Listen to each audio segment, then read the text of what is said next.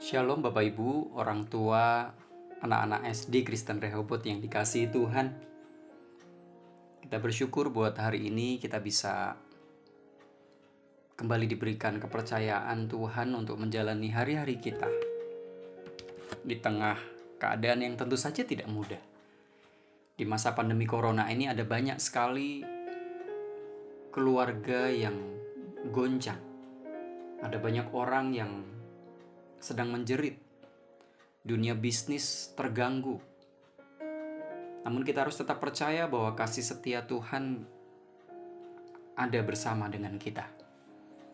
Saya Andreas Agus hari ini diberikan kesempatan untuk menyampaikan renungan firman Tuhan dengan judul Keluarga yang Kuat. Ya, keluarga yang kuat adalah sebuah idaman menjadi sebuah keluarga yang kuat itu cita-cita dari banyak orang.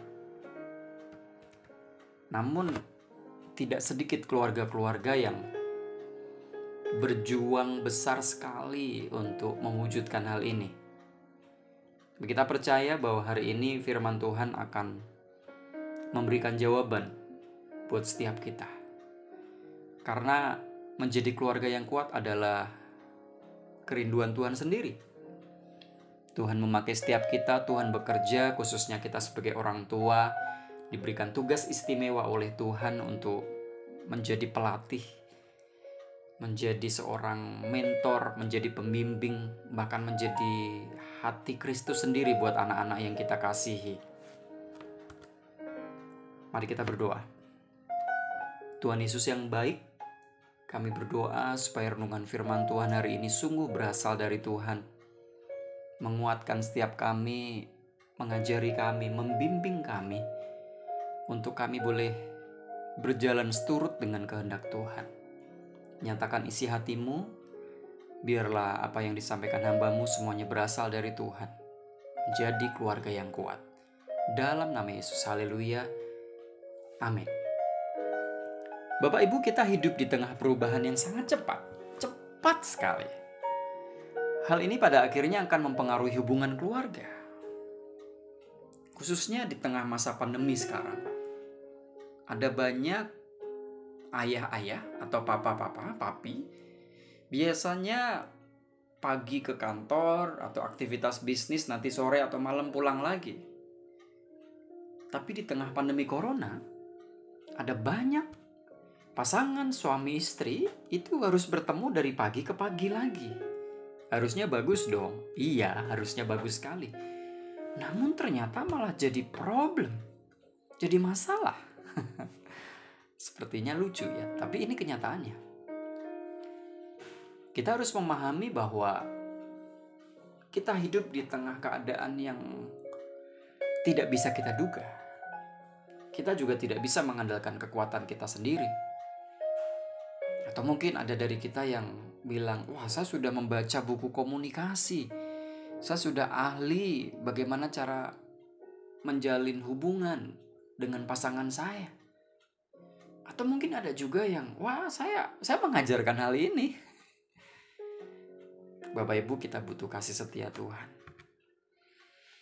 Anak-anak yang sedang kita bimbing, kepercayaan dari Tuhan saat ini adalah sebuah generasi yang sungguh-sungguh tidak mudah silent generation. Kayaknya baik-baik saja. Kayaknya oke-oke saja kok di kamar, di rumah nggak nggak ke mana-mana. Kalau dulu kan zamannya kita mungkin ya.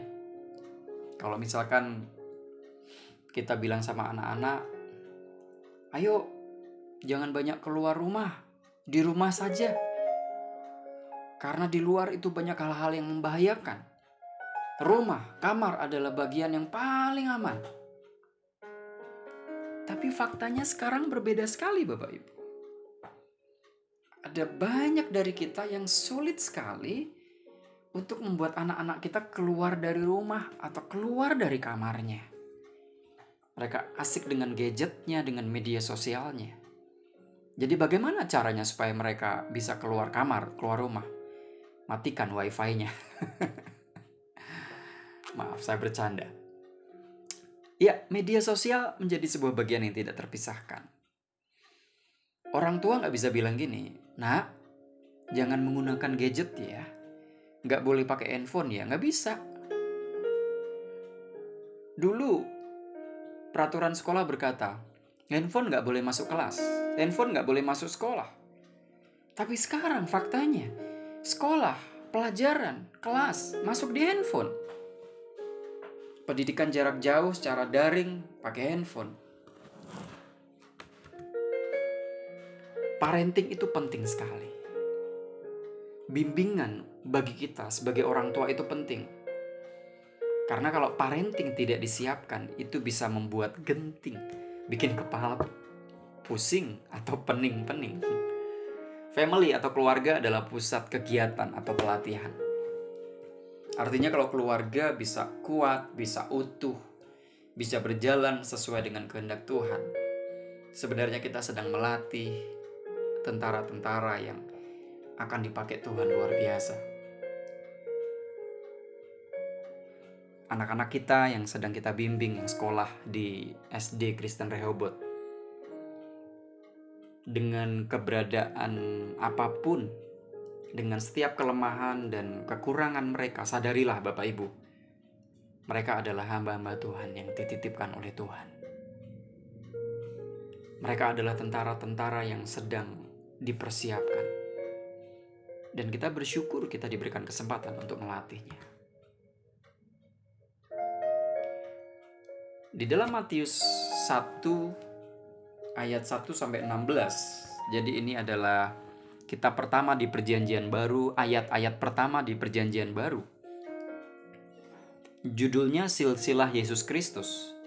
Saya pernah merenungkan kenapa ada ayat-ayat seperti ini ya? Banyak sekali ngomongin silsilah. Toh saya juga nggak bisa hafal saya bingung.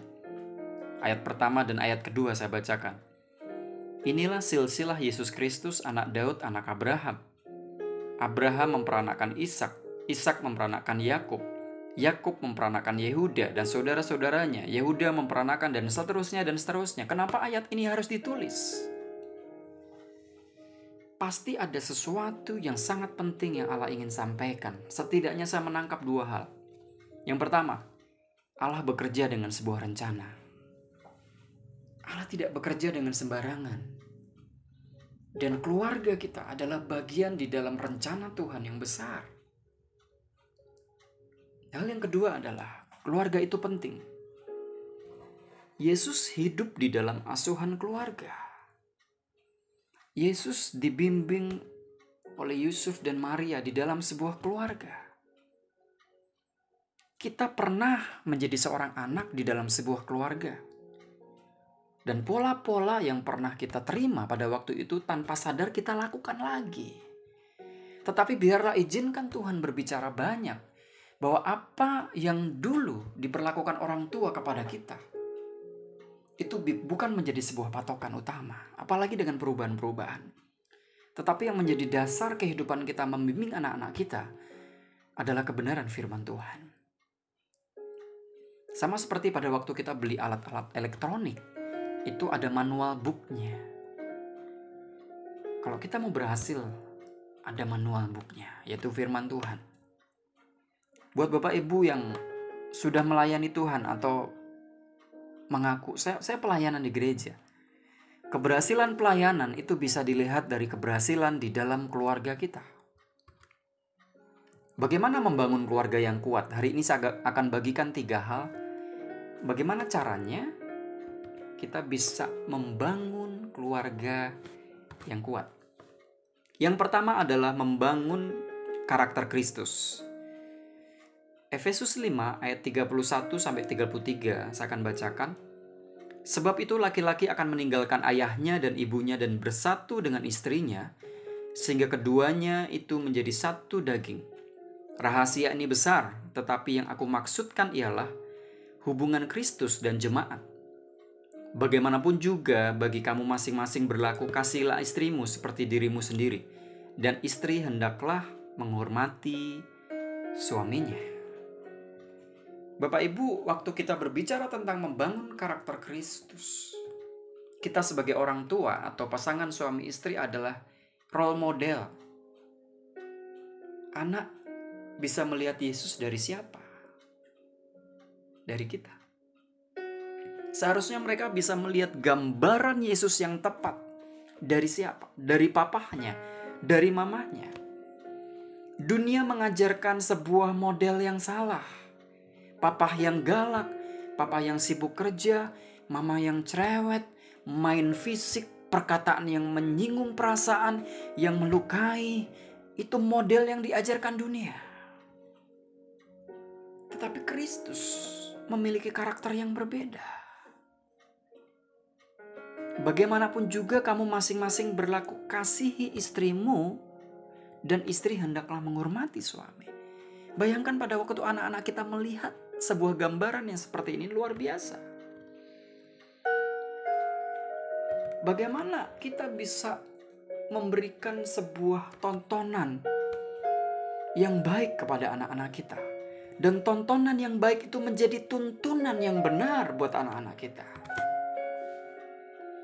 Yang kedua, anggota keluarga harus intim dengan Tuhan. Matius 18 ayat 19 dan 20 bilang gini, Dan lagi aku berkata kepadamu, jika dua orang daripadamu di dunia ini sepakat meminta apa pun juga, permintaan mereka itu akan dikabulkan oleh Bapakku yang di sorga. Sebab di mana dua atau tiga orang berkumpul dalam namaku, di situ aku ada di tengah-tengah mereka. Mari kita bisa saling menopang saat jatuh. Ada kesepakatan. Ini menarik. Ada harmonis. Ada lagu yang sangat menarik. Bersama keluargaku melayani Tuhan. Sepakat bersama-sama, bersinergi. Saya ingat sekali anak kami Gloria suatu kali menangis sejadi-jadinya sejadi-jadinya. Bapak Ibu tahu sebabnya apa? Sangat sederhana. Gelo nangis sejadi-jadinya hanya gara-gara saya masuk ke dalam kamar. Saya cuma masuk ke dalam kamar yang jaraknya hanya beberapa meter dari posisi bermainnya.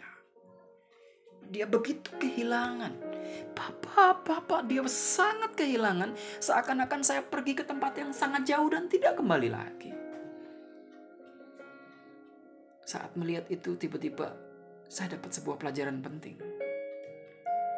Bagaimana dengan saya selama ini? Apakah saya atau apakah kita selama ini betul-betul merindukan kehadiran Tuhan? Apakah benar-benar kita itu kangen banget sama Tuhan? Gak pengen jauh, selalu inginnya bareng-bareng terus.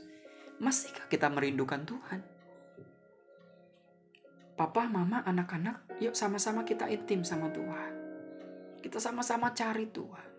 Mesbah keluarga, renungan bersama, memuji Tuhan bersama. Itu akan membuat keluarga kita menjadi semakin kuat.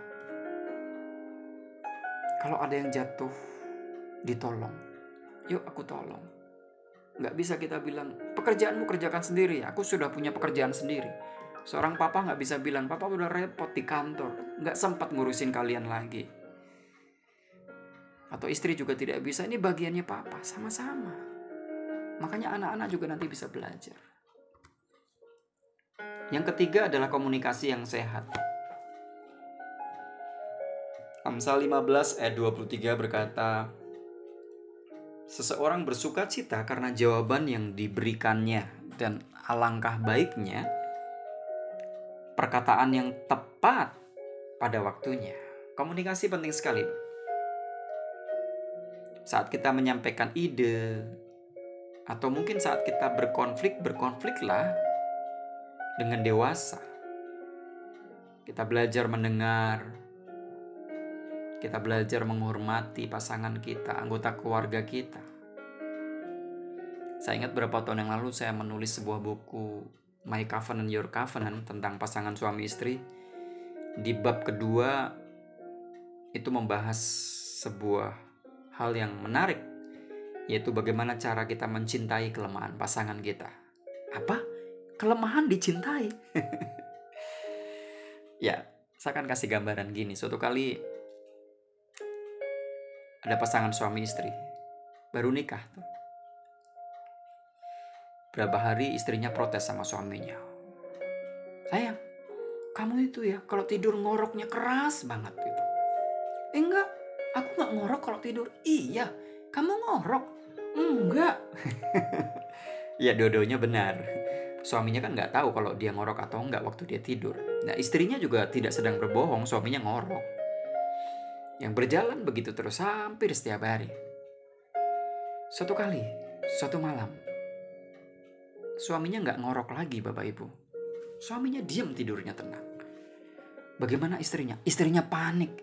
Sayang bangun sayang, kamu nggak apa-apa kan? Bangun sayang, kamu nggak apa-apa kan? Suaminya nggak apa-apa, kebetulan nggak ngorok aja. Kelemahan pasangan sudah mulai dicintai. Nah itu menarik. Kalau kita sudah sampai kepada tahap kelemahan saja dicintai, apalagi kelebihan-kelebihannya. Bapak Ibu harus saling mengucapkan terima kasih kepada pasangan kita. Jangan selalu menemukan kelemahannya.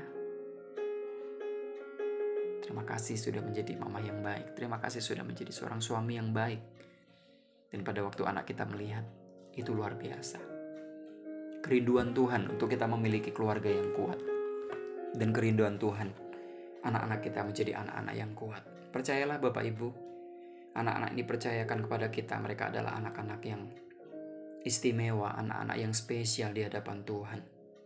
Mereka sedang dibimbing oleh Tuhan, dipersiapkan menjadi hamba-hamba Tuhan. Saya Andreas Agus, mohon pamit dari renungan kita pagi hari ini. Berharap renungan ini bisa menguatkan setiap kita. Sampai jumpa lagi di dalam renungan yang akan datang. Tuhan Yesus memberkati.